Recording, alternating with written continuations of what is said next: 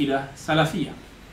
Tetapi perkataan Ibnu Katsir ini uh, kalau kita mau terima bahwa Asy'ari mempunyai tiga periode, maka yang dimaksud tiga periode bukanlah seperti yang dibayangkan oleh kelompok Wahabiyah. Tapi yang dimaksud adalah sebagaimana beliau sebutkan pada halaman uh, 28 ya. Beliau menyebutkan yang pertama dari masa kecil sampai beliau anak-anak. Ya. Ini beliau berakidah ahlu sunnah, akidah ayahandanya ya, Syekh Ali, ya, uh, Syekh uh, Ismail ya. Syekh Ali ya. Kemudian uh, yang kedua berpindah menjadi Mu'tazilah dan yang ketiga kembali lagi kepada ahlu sunnah dan ini sesuai dengan uh, uh, riwayat mimpi-mimpi beliau yang disebutkan dalam kitab uh, At-Tabyin Kazbil Muftari bahwa Nabi berkata Ir uh, uh, ikuti. Jika demikian ini tidak disebut sebenarnya tiga periode tapi beliau hanya dua kali. Ya. Mu'tazilah ahlu sunnah selesai. Nah, suatu kali Imam Abu Hasan Ash'ari beliau diuji oleh jamaah di dalam di, di dalam kitab Tabiin Kazbun Muftari halaman 90 ada orang bertanya Arafna tabahhuraka fi ilmi kalam? Kami sangat mengerti anda ini sangat alim, sangat menguasai ilmu kalam. Tapi kami ingin menguji anda, ingin tahu apakah anda ini Abdul Hasan Ash'ari juga mengerti ilmu fikih. Di saat itu sahabat-sahabat yang berkata Allah ahli fikih harus ahli hadis. Dia harus mengerti uh, dia uh, wajib mengerti uh, sanad. Tidak boleh seseorang menyebutkan suatu amalan uh, kecuali dia sebutkan uh, berikut dengan sanad-sanadnya dari fulan dari fulan dari fulan. Kita sebut silsilah dalam bahasa kita.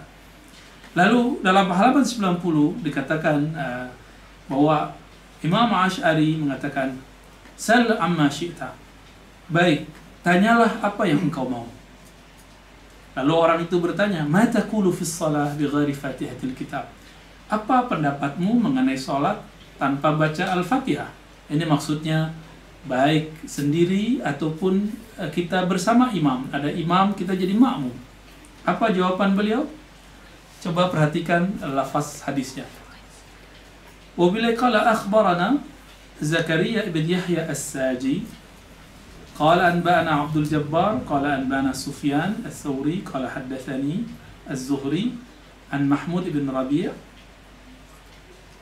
عن أبادة بن صامت أن النبي صلى الله عليه وسلم قال لا صلاة لمن لم يقرأ بفاتحة الكتاب.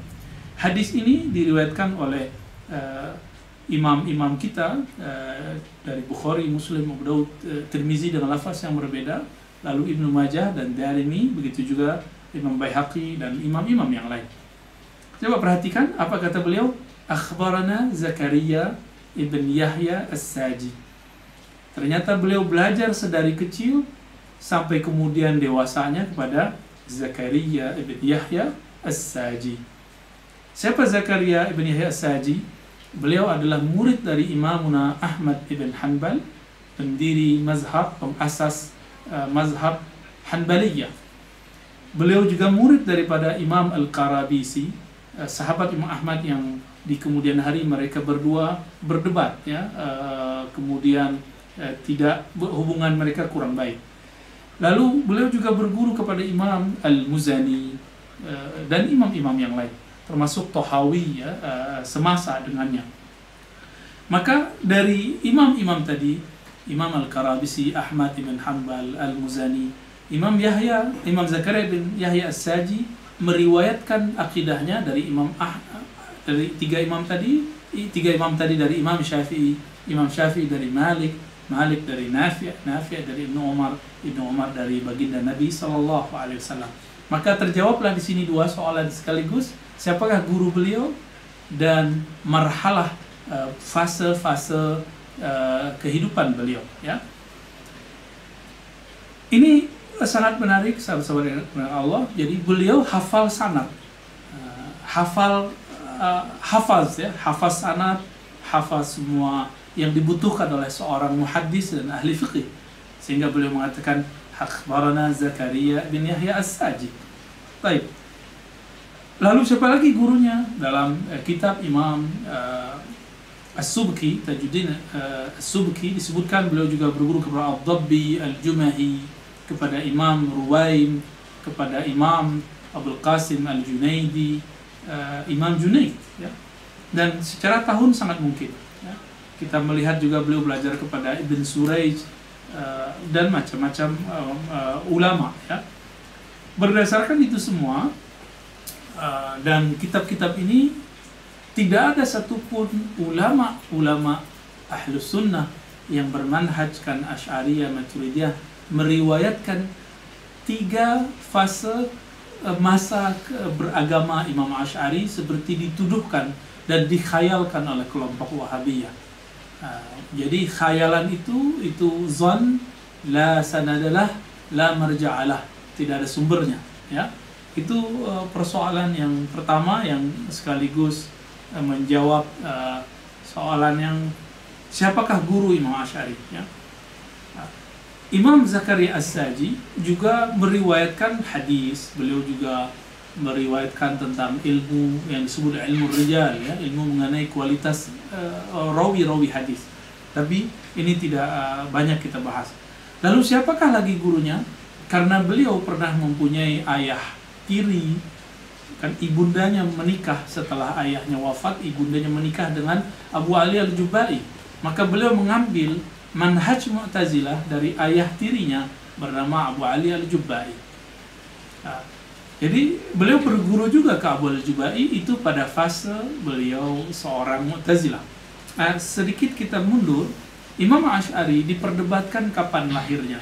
Apakah beliau lahir di tahun 240, 250 atau 260. Ini perdebatan. Namun eh, saya mentarjihkan menguatkan beliau lahir di antara tahun 50 sampai 60. Kita ambil tengahnya 255. Berarti sangat mungkin beliau belajar kepada As-Saji karena As-Saji wafat di akhir-akhir abad ketiga Hijriah. Sangat mungkin beliau belajar kepada Imam Junaid, Imam Ruwaim, begitu juga mengambil uh, manhajnya Mu'tazilah lalu kemudian uh, beliau menyadari ada keanehan, keganjilan, uh, mukhalafah ya, kesalahan-kesalahan yang kemudian beliau membuat uh, uh, kritik sendiri dan kritik-kritiknya banyak disebutkan dalam kitab Tabiin Kazbil Muftari uh, salah satunya kisah yang masyhur yang kita sering dengar jadi Imam Abdul Hasan Ash'ari dalam berguru kepada Abu Al-Jubai kemudian mempertanyakan satu kaidah Mu'tazilah. Nah, di sinilah beliau keluar dari akidah Mu'tazilah. Apakah itu?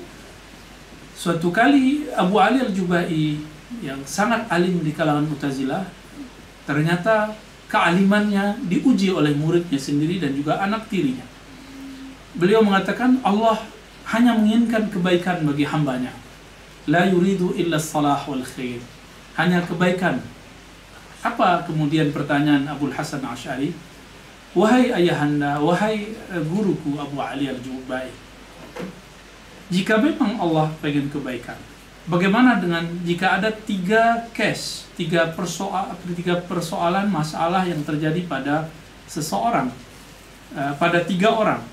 Yang pertama, uh, seorang yang boleh kita sebut dengan uh, anak kecil, ya, anak kecil ma mati kemudian uh, dia dimasukkan ke dalam surga tapi surganya rendah ya yang kedua seorang yang mukmin dia meninggal di saat dia dewasa lalu Allah masukkan dia ke dalam surga dan yang ketiga seorang yang kafir ketika meninggal dalam keadaan kufur di masa uh, dewasanya tuanya maka Allah masukkan dia ke dalam neraka lalu Bertanyalah anak kecil yang masuk surga tapi surganya sangat rendah.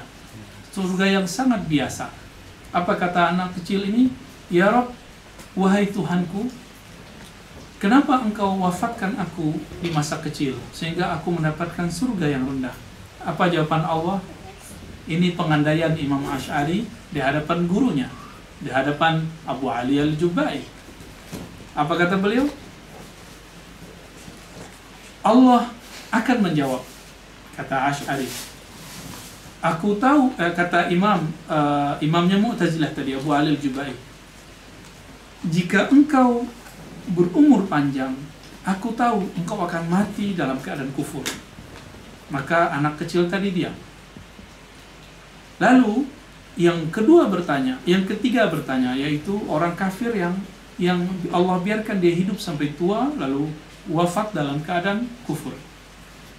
Apa kata orang kafir ini? Ya Rab, jika engkau tahu bahwa aku ini tuanya pasti kafir, kenapa engkau membiarkan aku hidup? Tidak engkau matikan seperti orang yang pertama.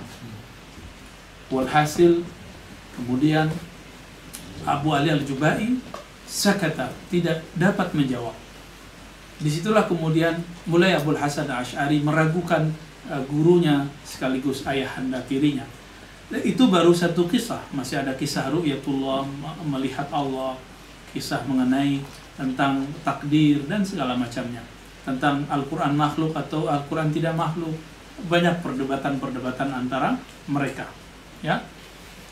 Maka Abu Hasan al-Ash'ari merumuskanlah uh, akidahnya dalam kitab Al-Ibana. Cuma sayang sekali uh, manuskrip-manuskrip atau uh, naskah-naskah yang ada itu yang paling bagus itu naskah yang kemudian dikumpulkan oleh Dr. Fauqiyah Hussein Mahmud. Sayangnya masih ada satu saja kesalahan di sini. Selebihnya sudah sesuai dengan kaidah Imam Asy'ari yang kita kenal. Bahwa beliau mengatakan istiwa, Allah istiwa, Allah nuzul, Allah bersemayam tapi bukanlah bertempat, Allah turun tapi tidak berpindah. Kenapa? Dia tidak benda, dia bukan jisim karena dia bukan jisim, bukan jirin, maka perpindahannya bukanlah perpindahan tempat. Ya. Eh, turunnya bukan dari atas ke bawah. Istiqrar, istiwanya bukanlah dengan duduk dan bersentuhan dengan aras. Yat kata yat bukanlah yat anggota tubuh. Namun sayang di hatta di di manuskrip ini masih ada uh, lafaz yasaqinal arsh. Wahai yang berada di atas aras Ah, sebenarnya lafaz ini pun jika kita sudah kembali ke kaidah awal Allah bukanlah benda, bukanlah jisim, maka tidak menjadi masalahan besar. Tetapi ini kemudian akan digiring oleh kelompok mujassimah, baik mujassimah dulu ataupun sekarang untuk mengatakan Asy'ari seorang yang meyakini seperti kami. Ternyata di teks yang lain kalimatnya bukan yasakin al-ars tapi yasakin as-sama, wah yang tinggal di langit ini menunjukkan bahwa teks ini masih mutorid, masih terjadi kontradiksi. Namun ada yang yang lebih uh, kuat yaitu kitab Al-Lumah. Uh, Al-Kitab Al-Lumah uh, fi ala ahli zayghi wal bid'ah. Ini juga ditulis oleh beliau dan di sini beliau membolehkan takwil sedangkan di kitab Al-Ibanah beliau memilih tafwid, menyerahkan makna hanya kepada Allah Subhanahu wa taala.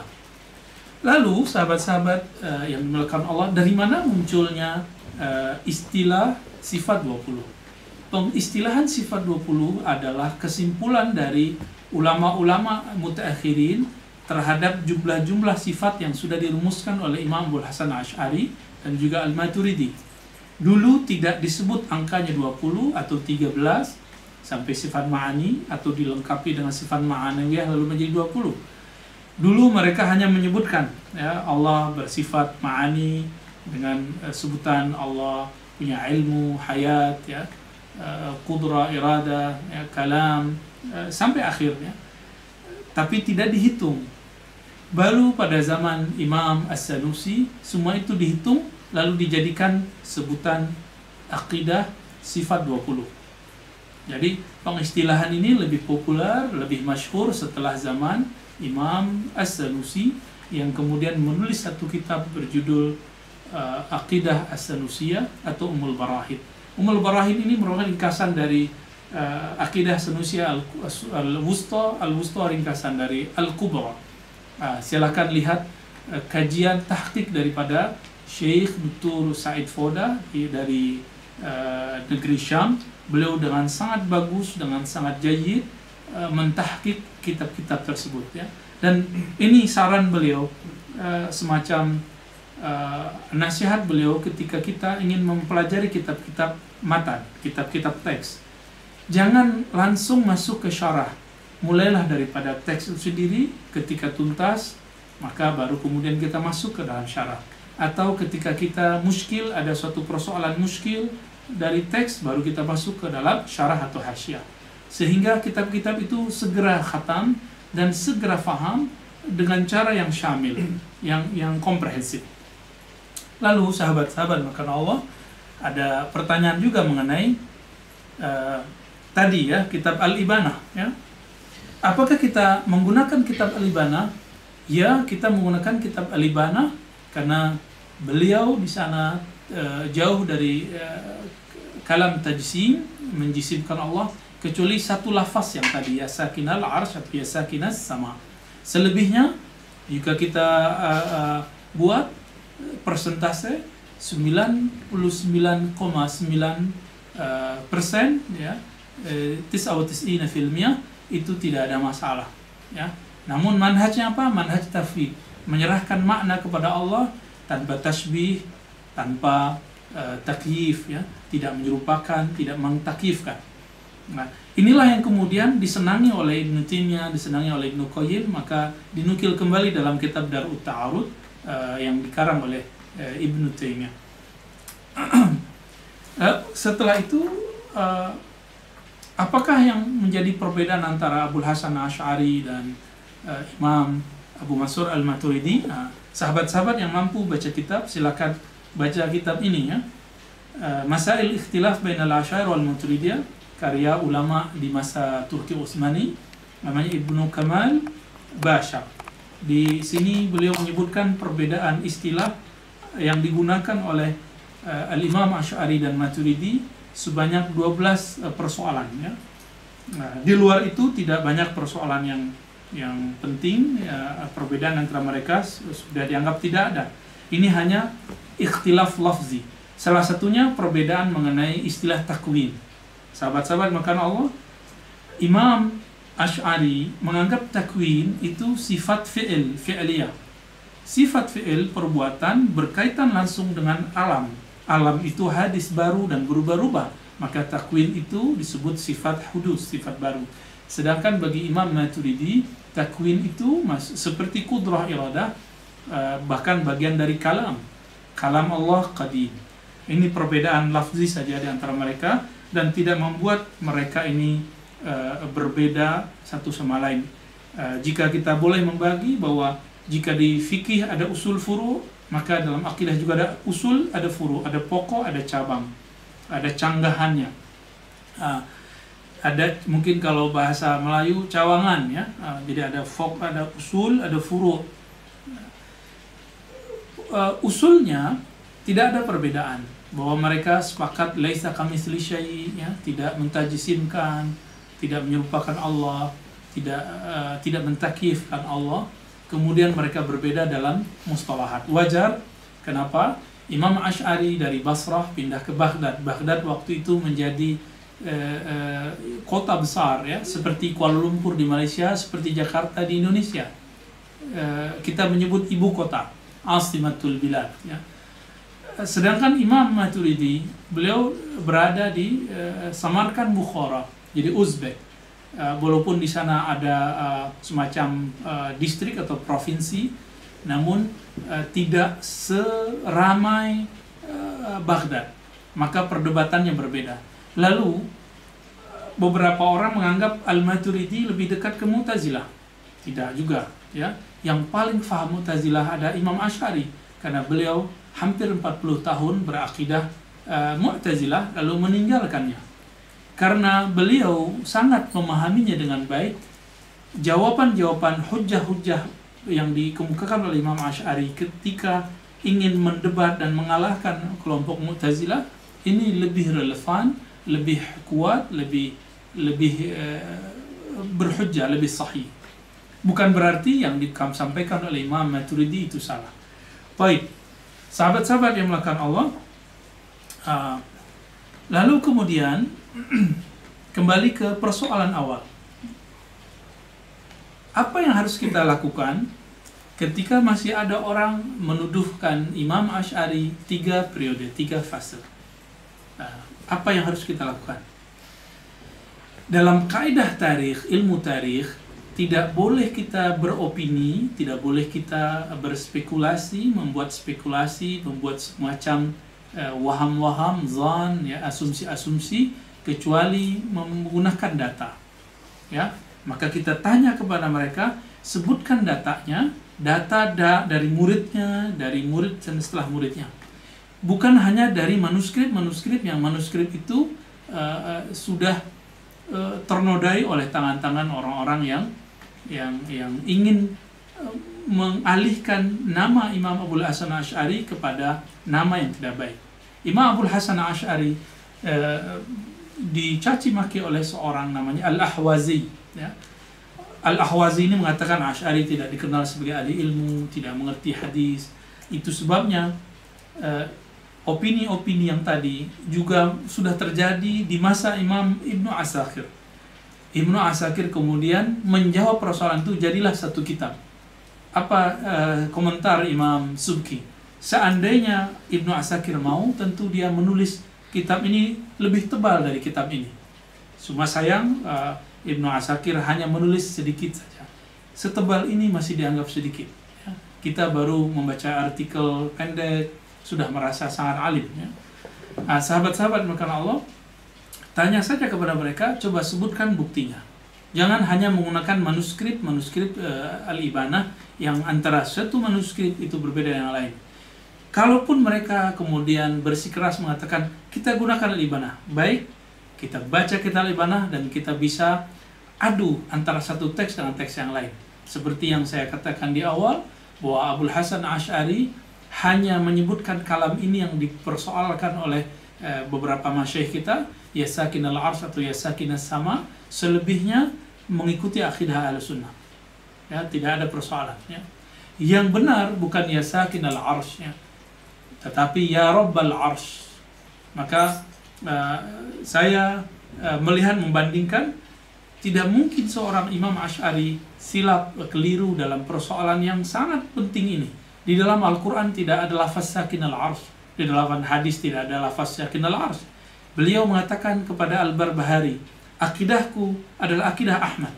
Tapi Al-Barbahari meriwayatkan lafaz yang lain dari gurunya, gurunya dari Imam Ahmad. Bahwa Imam Ahmad tidak seperti Ash'ari. Tapi Ash'ari meriwayatkan dari As-Saji bahwa akidah dia sama dengan Imam Ahmad. Berarti di situ ada dua interpretasi, dua penafsiran, dua periwayatan antara riwayat Imam Ash'ari dan riwayat Al-Barbahari. Nah, kitab Al-Ibanah ditulis oleh beliau untuk ditunjukkan kepada Al-Barbahari dan juga kelompok Hanbaliyah yang lain yang mereka berbeda haluan dengan Imam Ash'ari. Berdasarkan ini, sahabat-sahabat bukan Allah, uh, kita mengatakan apa yang dikatakan oleh Imam Subki.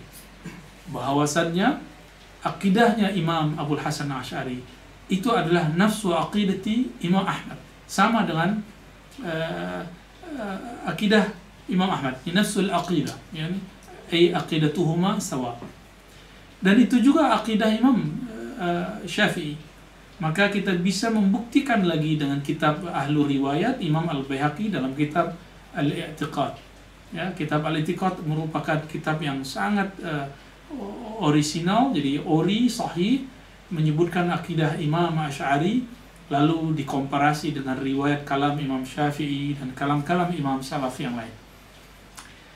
Lalu sahabat-sahabat yang melakukan Allah, bagaimana dengan jika kita menyebut sifat 20 yang wajib, 20 yang mustahil, lalu kemudian uh, Nabi juga uh, 20 uh, ada ada empat yang wajib, empat yang mustahil, lalu Allah satu jaiz, kemudian Nabi Muhammad satu juga jaiz sehingga menjadi akidah tu Al-Khamsin Akidah 50. Apakah pengistilahan ini salah? Tidak, itu cuma untuk mentashilul murid, memudahkan murid. Ya. Itu sebabnya sebenarnya kita tidak mempermasalahkan jika Wahabiyah membagi tauhid menjadi tiga.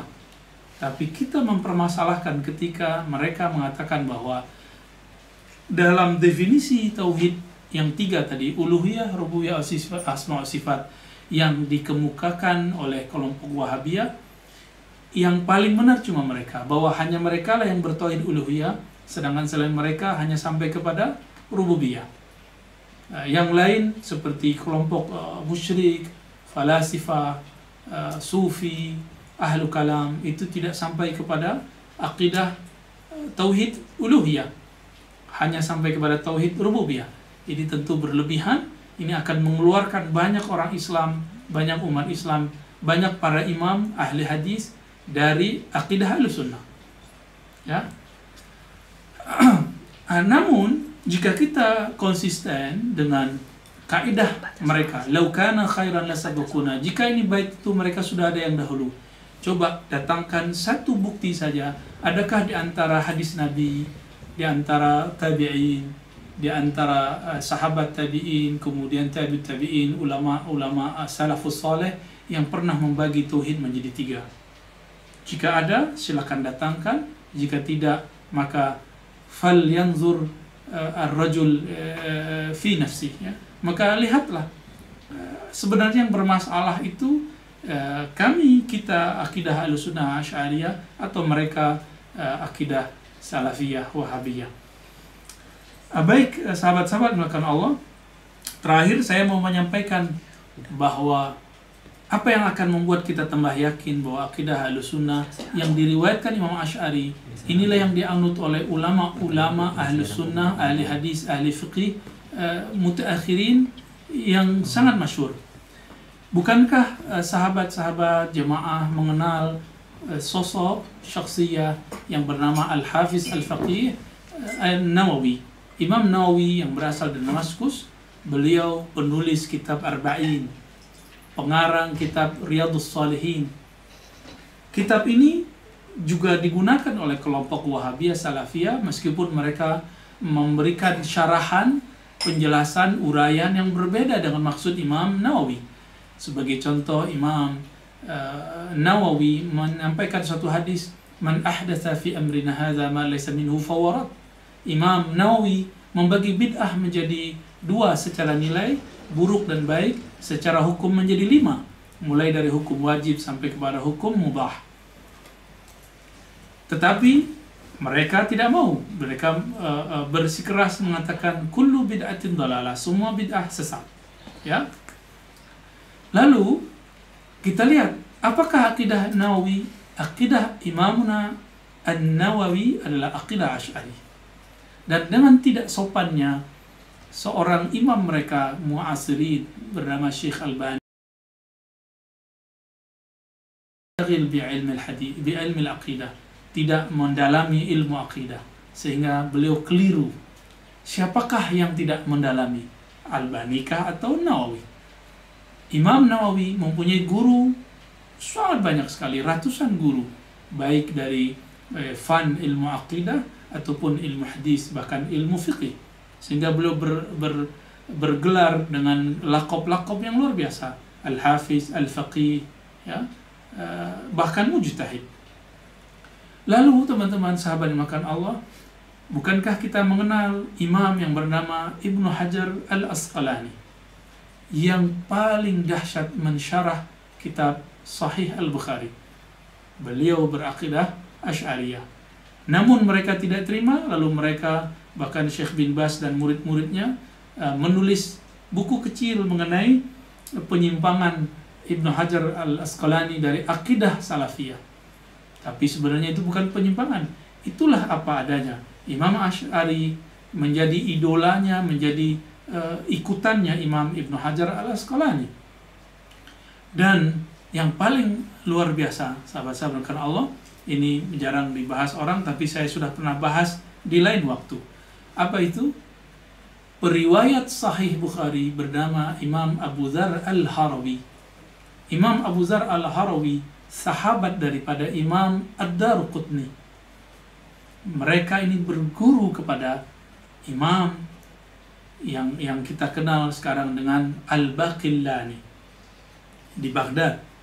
Abu Dhar Al-Harawi ketika di perjalanannya pergi haji, safarnya manasikul hajj dari Hera kemudian berangkat sampai di Baghdad sampai di Baghdad ketemu sahabatnya Darukutni Darukutni mengajak ayo kita ke Imam Sunnah bertemulah Imam Baqillani.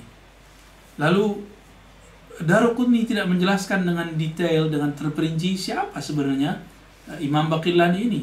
Ketika pulang Imam Abu Zar al-Rawi periwayat penghafaz Sahih Bukhari bertanya, sebenarnya orang ini siapa? Dijelaskanlah orang ini ahlu sunnah melawan ahli bid'ah mau berhujah untuk mengalahkan orang-orang yang eh, yang menyebarkan bid'ah di kota Baghdad. Walhasil esok harinya Imam Abu Dhar al-Rawi guru besar dari eh, peminat Sahih Bukhari di zamannya belajar kepada Imam Daruqutni, Imam eh, Baqillani. Setelah itu beliau melanjutkan perjalanan haji dan umrah ke Haramain. Di sanalah beliau mengajar Sahih Bukhari dan akidahnya diajarkan akidah Imam Baqillani. Siapakah Baqillani? Baqillani berguru kepada Imam Al-Bahili. Imam Bahili berguru kepada Imam Abdul Hasan Ash'ari. Berarti jarak mereka dengan Ash'ari sangat dekat sekali. Abu Zar al-Arawi berguru kepada Hamuya, ya, juga Al-Jarudi, Al-Jarudi daripada Al-Firabri, Al-Firabri langsung mengambil Sahih Bukhari daripada pengarang, penulis kitab Sahih Bukhari, Al-Imam Abu Abdullah Muhammad bin Ismail Al-Bukhari. Berarti sahabat-sahabat karena Allah, akidah Imam Ash'ari, akidah Al-Sunnah, ini hanya penamaan saja. Hakikatnya akidah beliau adalah akidahnya ahli hadis. Tidak tidaklah dipandang berbeda oleh Daruqutni, tidaklah dipandang berbeda oleh Imam Auzar Halawi. Itulah sebabnya kelompok Mujassimah mutaakhirin mengatakan la'anallah Abu Dzar al-Harawi. Mereka melaknat Abu Dzar al-Harawi. Kenapa? Karena murid-muridnya ini membawa Sahih Bukhari ke Maghrib. Di sana mereka menyebar Sahih Bukhari sekaligus mereka mengajarkan akidah ahlu sunnah imamuna Abdul Hasan Ash'ari. Semoga kita tambah faham akidah imam kita pemahaman kita tidak goyah dan ini bukanlah ta'assub, bukanlah fanatisme. Kita hanya menjelaskan sebagaimana ada hadis riwayat Bukhari, ada fikih riwayat Syafi'i, maka ada akidah riwayat Imam Ash'ari. Ala nabiyina Muhammad. Mungkin apabila ada soalan uh, diskus yang mau disampaikan, silakan. Ya, baik. Ada. Ada, Bu. Silakan operator. Baik, Bu. Ustaz Ini Faiz. ada banyak pertanyaan yang masuk sebetulnya, tapi sudah kita saring oleh tim admin. Ada pertanyaan dari pihak eh, Malaysia yang pertama banyak dari kalangan salafi mengatakan Asy'ariyah itu menganggap Allah ada di mana-mana. Nah, Hmm. bagaimana pandangan Buya terkait hal ini? Ma illa buhtanun azim. Ini tidaklah kecuali kebohongan yang nyata wa jahlun murakkabun ya. Kejahilan tapi sangat eh, terstruktur ya. Itu sebabnya mereka tidak pernah faham akidah Asy'ariyah. Coba buka semua kitab Imam Asy'ari. Coba buka kitab semua akidah Asy'ariyah. Baik jalur ahli hadis Imam Baihaqi, ada begitu juga jalur ahli kalam Imam Fakhruddin Ar-Razi. Ada kitab Ta'sisut Tabtis, ada uh, kitab uh, tafsir Mafatihul Ghaib, ada karya Subki, ada karya yang sangat banyak sekali Ibnul Ala Al-Bukhari dan lain-lainnya. Sampai Imam Sanusi, sampai Imam Nahrawi, Imam Bajuri, bahkan Sadatuna Al-Azahira Al-Yum ya. Tidak ada satupun yang mere- mereka meyakini Allah di mana-mana. Ini tanda bahwa mereka ingin merat, ingin ingin mengkritisi eh, akidah Asy'ariyah tapi mereka tidak memahami permasalahan sebenarnya, tidak memahami inti persoalan. Maka perlukah kita menanggapi itu? Kita tidak perlu menanggapi, kita perlu meluruskan. Yang meyakini akidah bahwa Allah fi kulli Allah di semua tempat itu adalah akidah Jaham bin Safwan. Jaham bin Safwan ini sudah dirot oleh ulama-ulama ahlu sunnah termasuk Imam Ash'ari itu merot beliau dan juga Imam Baqillani dan semua kelompok Asy'ariyah menolak akidah bahwa Allah ada di mana-mana. Bahkan kitab yang tipis yang yang disyarah oleh Imam uh, Nawawi Al-Bantani, salah satu mufti Syafi'i di Makkah, beliau gurunya orang-orang Melayu dulu di awal di abad eh, ke 19 dan 20 di tanah Haramain beliau berguru ke Imam Nahrawi eh, Jazuli. Terus tidak ada satupun di situ dalam kitab kecilnya Fathul Majid bahwa Allah ada di mana-mana.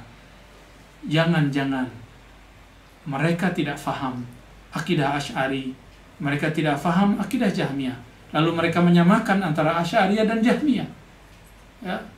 Wallah ya taala yakni bariun min dalik Allah maha suci dari itu. Ya lanjut Baik, Bu, pertanyaan berikutnya masih dari orang yang sama, yaitu perbedaan takwil istiwa Asy'ariyah mutaakhirin dengan Mu'tazilah mutaakhirin. Baik. Karena kalangan kalangan, kalangan Salafi selalu membawa perkataan Imam Abu Hasan Asy'ari tentang yang mentakwil istaula adalah Mu'tazilah. Oke. Ya, di kitab Al-Ibana beliau eh, betul berkata eh, menolak lafaz istawa ditakwil menjadi istaula. Di kitab ini ditulis memang seperti itu. Namun beliau menolak kelompok salafiyah bahwa istawa itu berarti istiqrar, menempat, yang memasah, yang bersentuhan dan ulu, jihatul ulu makan tempat. Beliau juga menolak itu. Maka beliau mengatakan bila kaif, tidak ada kaif, ya. Lalu apa perbedaan takwil Mu'tazilah dengan takwil Asy'ariyah? Bahkan Imam Asy'ari. Imam Asy'ari memberikan dua manhaj, dua dua tariqah. Karena dalam mimpi beliau bertemu Nabi, Nabi mengatakan uh, unsur al mazahib al marwiyah anni. Bantulah mazhab-mazhab bukan satu mazhab yang diriwayatkan dariku. Berarti Rasulullah sendiri pun dalam dalam mubasyarat yang diterima oleh Imam Hasan Asy'ari menyebutkan tidak hanya satu mazhab dari baginda Nabi sallallahu alaihi wasallam. Kelompok Mu'tazilah baik dahulu ataupun sekarang wa akhirin itu sama. Mereka mentakwil tapi maksud mereka adalah menta'til. Takwil mereka artinya menta'til. Takwil artinya memindahkan lafaz dari yang zahir kepada makna yang lain tetapi mereka kemudian menghapus maknanya, mengkosongkan. Ini yang disebut ta'til. Apa arti ta'til? Menafikan, menolak sifat. Contohnya, Mu'tazilah mengatakan Allah tidak bersifat istiwa. Padahal istiwa itu sabit fil Quran. Jadi takwilnya Mu'tazilah itu artinya menolak sifat-sifat tersebut. Adapun takwil di kalangan ulama ahlu sunnah asyairah yang juga di, di, diberikan oleh Imam Asy'ari itu bermakna dua. Pertama takwil yang qarib. Ini penjelasan guru saya Maulana Syekh Hasan Hitu hafizahullah masih hidup. Takwil yang pertama takwilun qarib, takwil yang dekat. Apa takwil yang dekat? Kalau fas yadun yad yad secara uh, hakiki itu ta anggota tangan, anggota tubuh bernama tangan ini. Lalu kita mengatakan yaduhu la kayadina atau yaduhu bila kaif. Yadnya bukan seperti yad kita dan yadnya tanpa kaif. Bukanlah dan di sini dikatakan yadnya bukan jarihah. Dalam kitab Ibanah beliau mengatakan yadnya bukan anggota tubuh. Ini merupakan takwil tapi disebut takwil yang karib, takwil yang dekat dengan menafikan tasbih artinya memindahkan makna yad yang dipahami orang Arab berarti anggota tubuh manusia, tangan, lalu ke makna yang bukan tangan manusia. Ini merupakan takwil yang qarib. Lalu ada takwil yang baik. Nah, takwil yang qarib ini disebut kemudian tafwid, menyerahkan maknanya kepada Allah. Lalu yang kedua, takwilun ba'id. Takwil yang lumayan jauh, yang yang agak jauh tapi masih dalam kaidah ahli bahasa dan diterima oleh ahlu akidah. Apakah itu? Memindahkan maknanya dari makna hakiki ke makna majazi. Lalu menerima lafaz istaula. Nah, teman-teman, walaupun asyairah belakangan mutaakhirin mengatakan istawa benar istaula, tapi berbeda dengan istaula versi Mu'tazilah. Mu'tazilah mengatakan istawa artinya istaula menguasai dengan menolak kata istiwa. Paham? Sedangkan Asy'ariyah mutaakhirin menyebutkan makna istawa istaula Istawa artinya menguasai istaula, istilah dengan artian menguasai tanpa menafikan, menegasikan, menolak sifat istiwa. Ini dua perbedaan. Paham ya insya Allah ya. Jadi ini perbedaan signifikan antara uh, Mu'tazilah dan Asy'ariyah. Semoga tidak uh, sakit kepala ya. Ya, ya. masih lanjut. Ya, lanjut. Baik.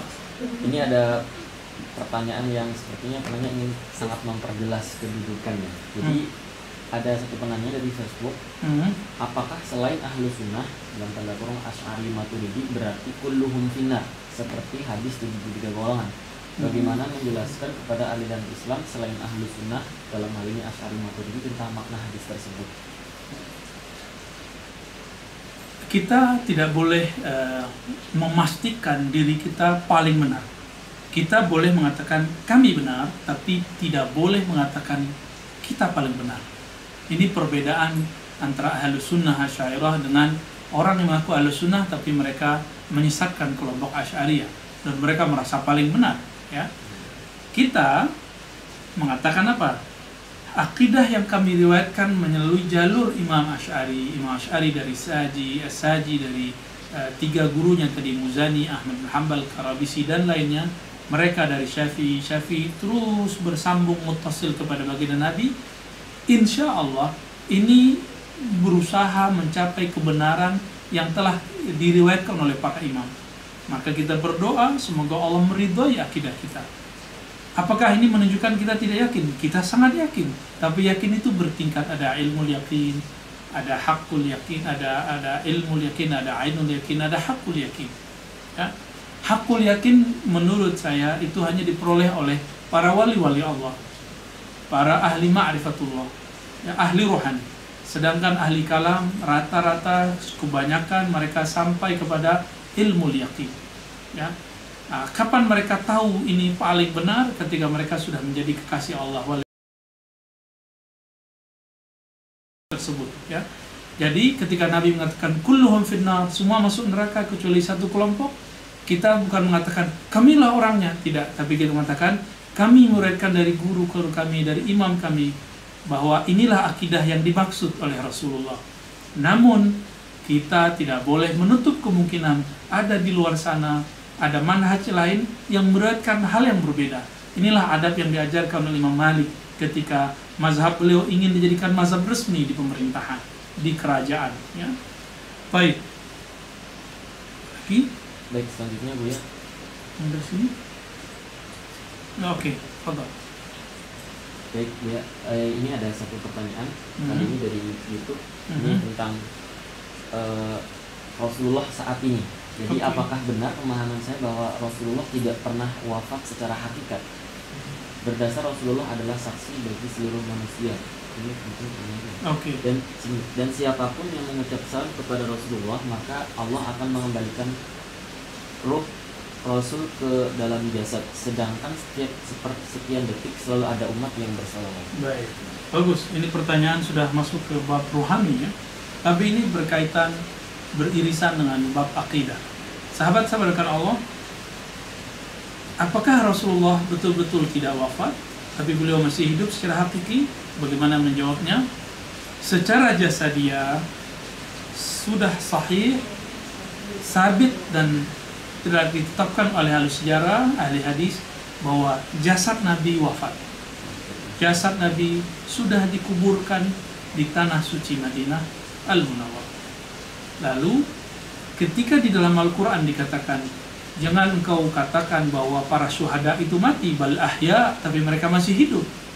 Jika para syuhada masih hidup, Nabi adalah sayyidus syuhada, adalah penghulunya para syuhada. Tentu beliau lebih hidup lagi. Tapi teman-teman sahabat Allah, coba perhatikan baik-baik. Hidup kita sekarang, hidup kita di dunia ini disebut dengan al-hayat ad-jasadiyah. Kehidupan jasadi. Kehidupan jasad ini di dalamnya ada kehidupan ruhi, ruh, ada kehidupan akli, akal, ada nafsiyah, ada jiwa. Di saat kita mati, yang mati kullu nafsin za'iqatul maut, jiwa kita mati sehingga terputuslah hubungan rohani dengan tubuh. Tubuh tubuh kembali kepada tanah, ruh dan jiwa kemudian meneruskan perjalanannya masuk ke kehidupan selanjutnya. Inilah yang disebut al-hayah al-barzakhiyah, kehidupan barzakh. Jadi di manakah Rasulullah hidup hari ini? Hidup di alam di hayat barzakhiyah, di alam barzakh. Jadi beliau hidup tapi hayatnya barzakhi. Barzakhi berarti alam uh, antara dunia dan kebangkitan nanti di akhirat. Dan itulah yang dimaksud ahya'un rabbihim. Sahabat yang makan Allah coba perhatikan lagi. Jika Jibril itu bisa datang kepada siapa pun karena dirinya adalah ruh dan semua umat kita sepakat, semua ulama kita sepakat bahwa baginda Nabi lebih mulia daripada Jibril. Tentulah Sayyidina Nabi lebih mudah datang kepada umatnya daripada Jibril datang kepada umat Nabi Muhammad SAW. Inilah mana hadis. Man sallama alayya. Ya. Siapa yang mengucapkan salam kepadaku, Raddallahu ilayya ruhi. Allah kembalikan kepadaku rohku. Fa'arudda alaihi salam. Maka aku menjawab nanti salamnya. Kehidupan apa itu? Kehidupan barzakhiyah. Kehidupan yang yang di alam barzakh dan kehidupan dalam barzakh Nabi tidak lagi terbebani oleh urusan fisik, urusan jasad, urusan jasmani. Kehidupan beliau murni, ruhani. Oleh karena itu, beliau tidak terbebani tidak oleh apa pun.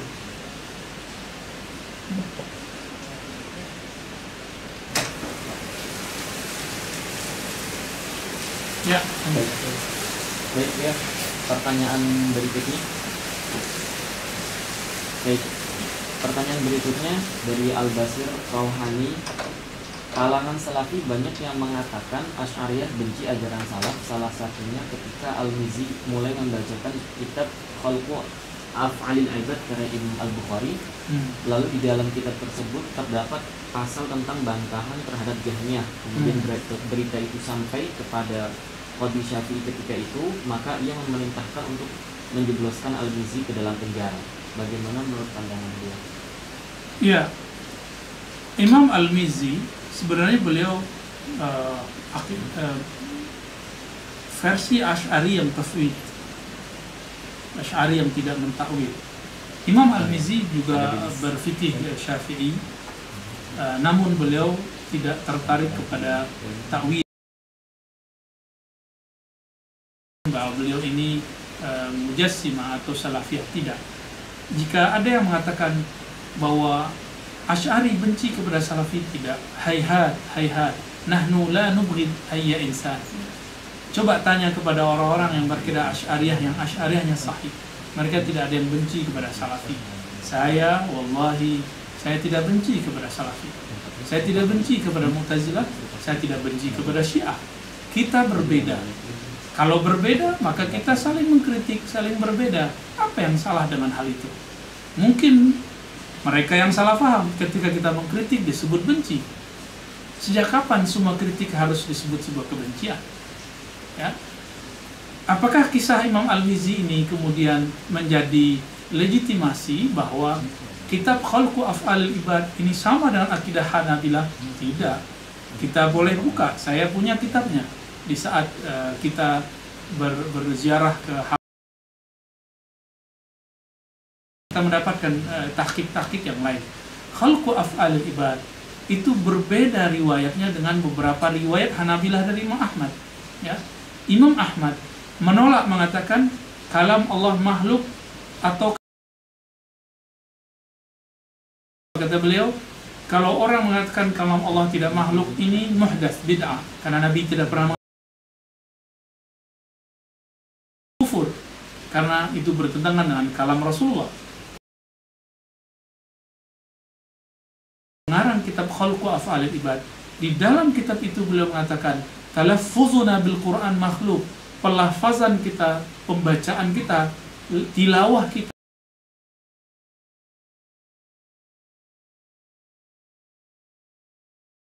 tapi dia pernah berguru ke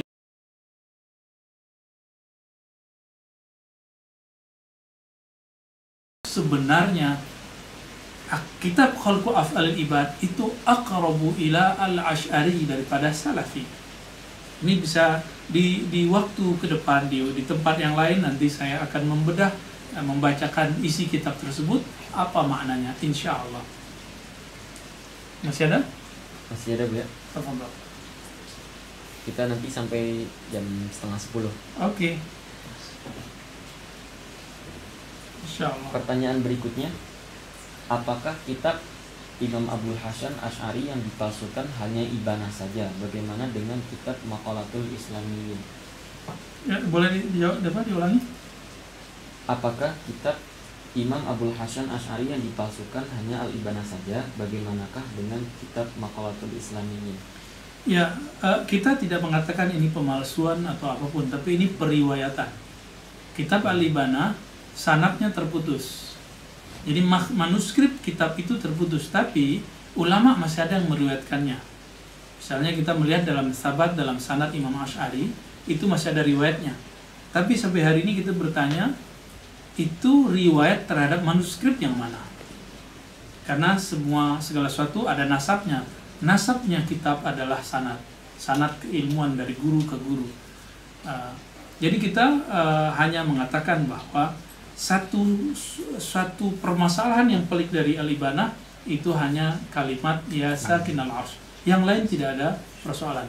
Dan ini uh, besar kemungkinan kesalahan uh, orang yang menulis atau orang yang mengimlakannya.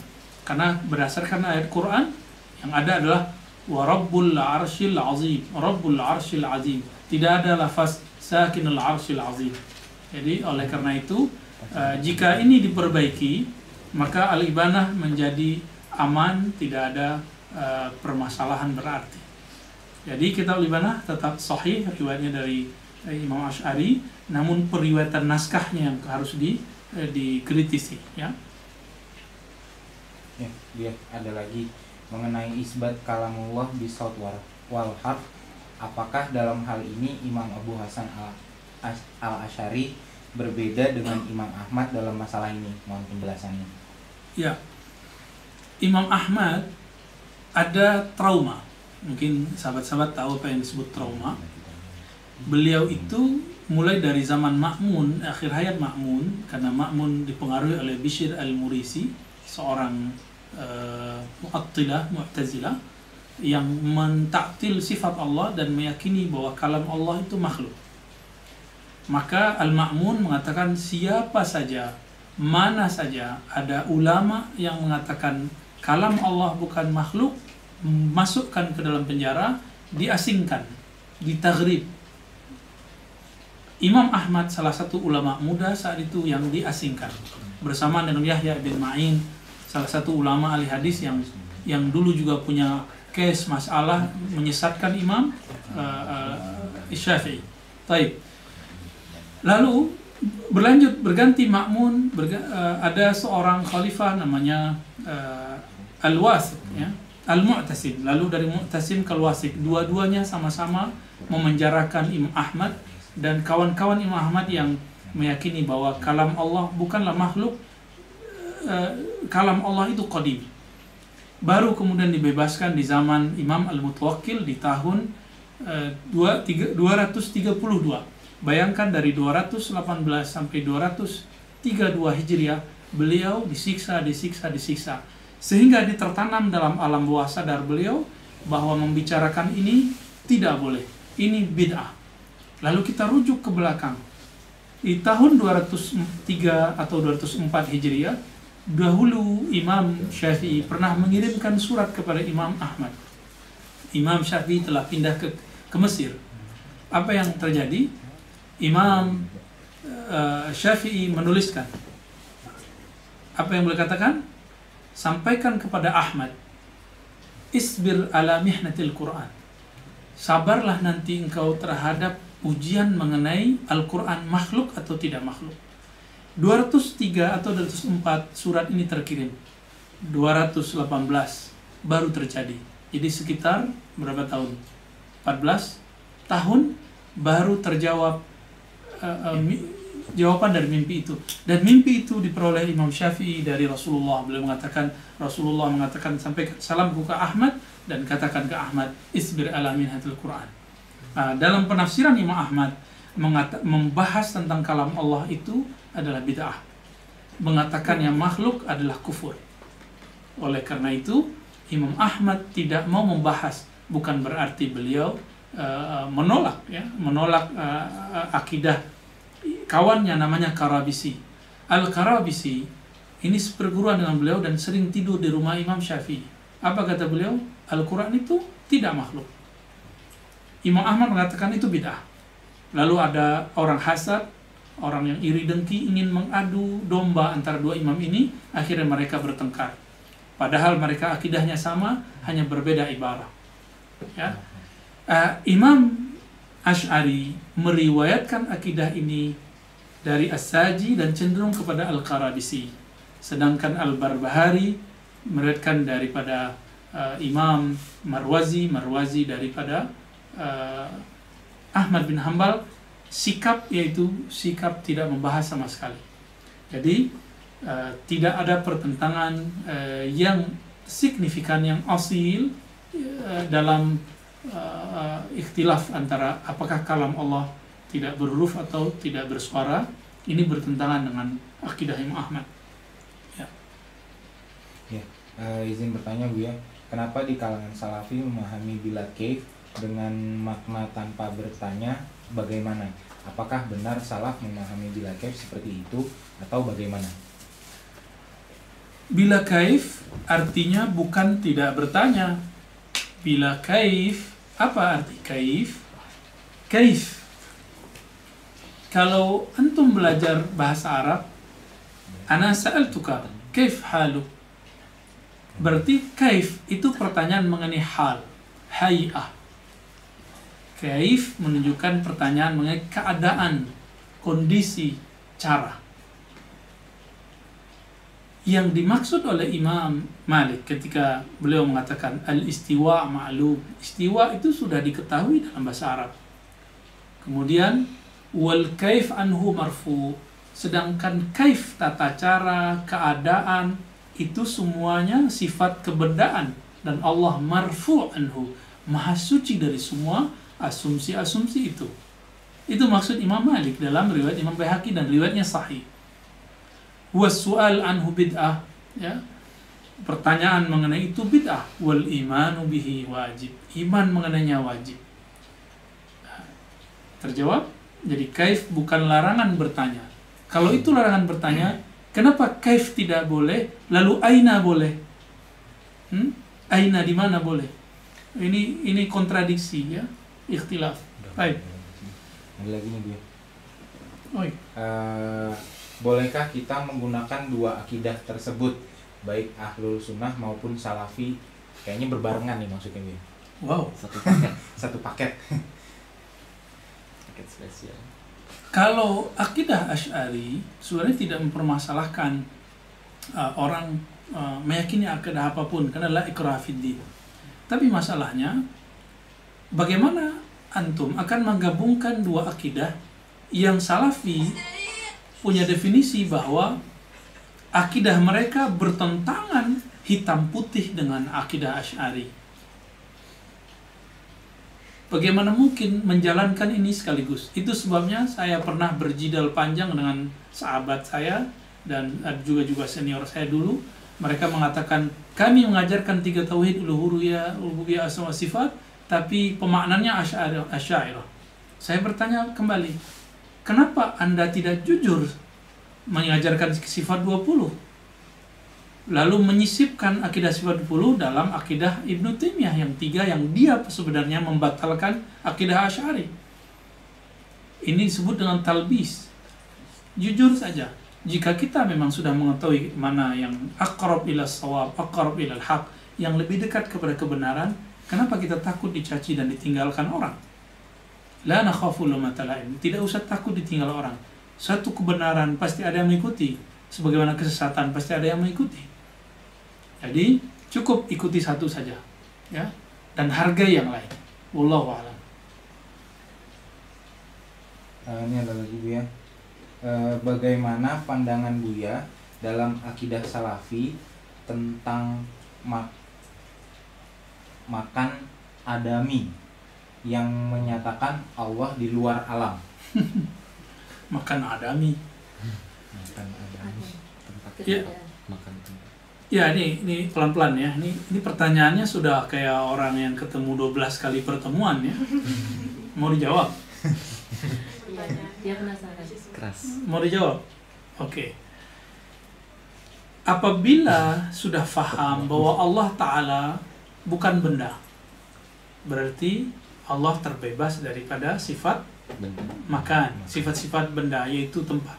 Makan artinya tempat adami, tempat tapi tempat ketiadaan. Sekarang saya tanya, bukankah dua istilah ini tanakut, kontradiktif? Makan, tempat, tapi tempatnya tidak ada.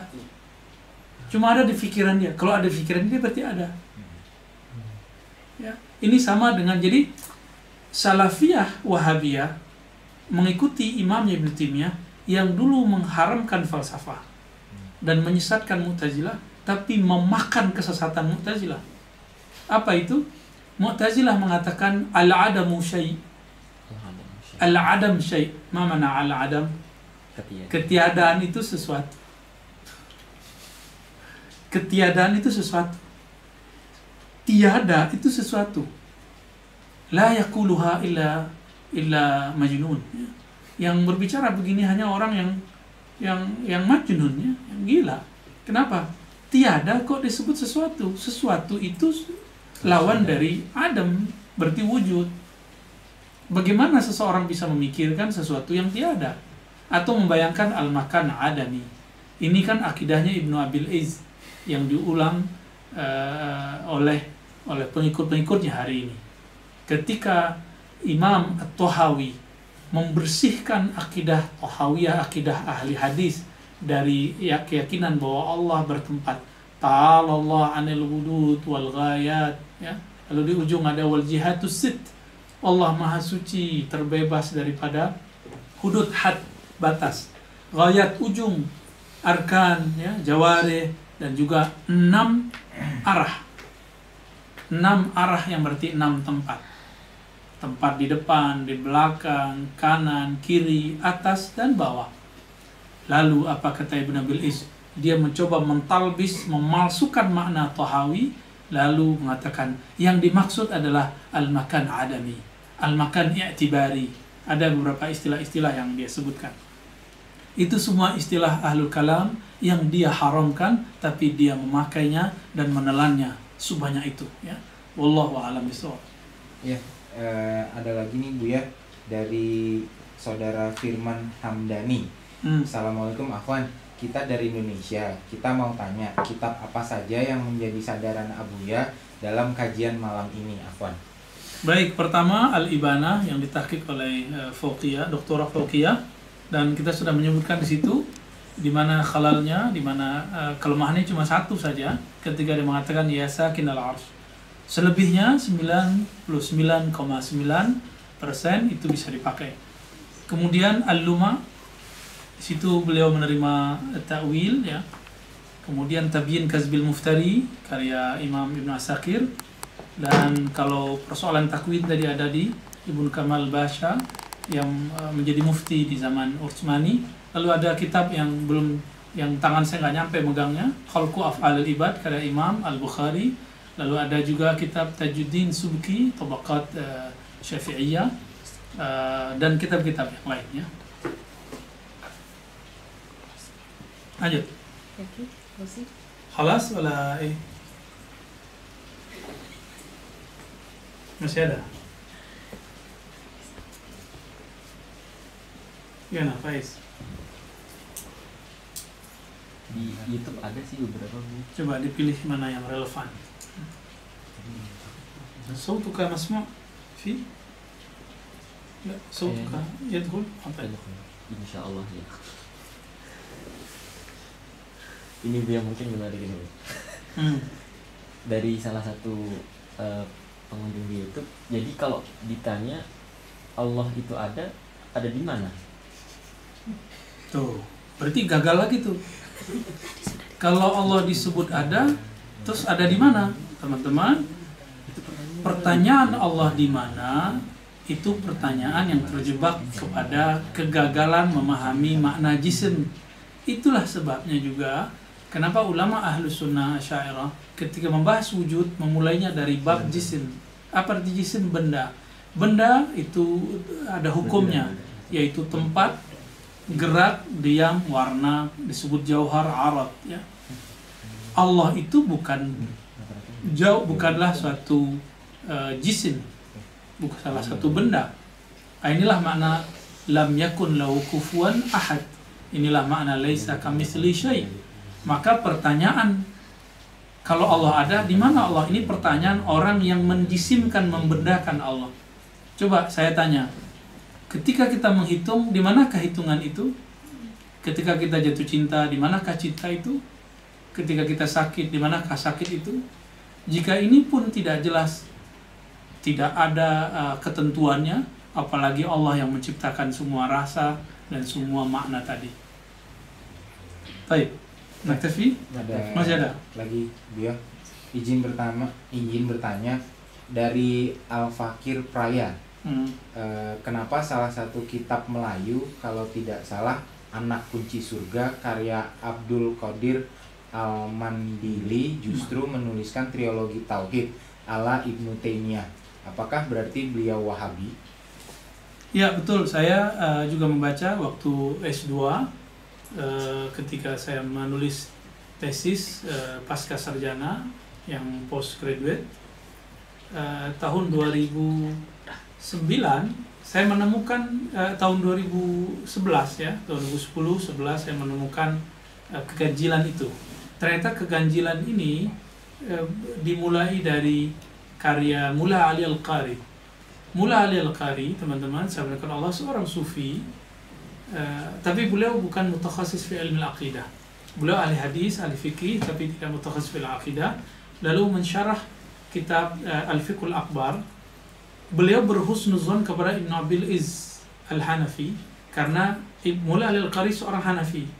Lalu beliau menggunakan manhaj Ibn Abil Iz, tapi beliau tidak sadar Ibnu Abil Iz ini adalah pengikut Ibnu Qayyim, Ibnu Qayyim pengikut Ibnu Taimiyah. Beliau tidak faham uh, dengan baik, uh, tidak mentasawurkan dengan oke okay, hubungan antara Ibnu Abil Iz dengan Ibnu Taimiyah. Dia mengira bahwa itu adalah akidah salaf. Yang salaf itu akidah tohawi. Adapun akidahnya Ibnu Abil Is sudah keluar uh, bercanggah dari ajaran salaf. Oleh karena itu, uh, apa yang disebutkan Al-Mandaini dia pun tidak mendefinisikan seperti definisinya uh, kelompok kelompok salafiyah. Dia menggunakan istilah uluhiyah rububiyah asma sifat tapi tidak dengan pemahaman salafi. Sebagaimana Mula Al-Qari ketika mengambil tiga istilah itu tapi definisinya dia kemudian jadikan definisinya sendiri. Itulah sebabnya beberapa ulama mentahzir Mula Al-Qari dan Semoga Allah memaafkan Syekh Mandaili ya hal ini. Baik, baik sahabat-sahabat kalau Allah, uh, teman-teman uh, di Malaysia, semoga uh, diberkahi Allah. Uh, barangkali itu yang dapat kami sampaikan. Uh, jika benar itu anugerah dari Allah, jika salah itu kesalahan, kesilapan saya sendiri. Saya minta ampun kepada Allah. Mari kita tutup dengan kafarah سبحانك اللهم لك أشهد أن لا إله إلا أنت أستغفرك وأتوب إليك السلام عليكم ورحمة الله وبركاته. السلام ورحمة الله وبركاته.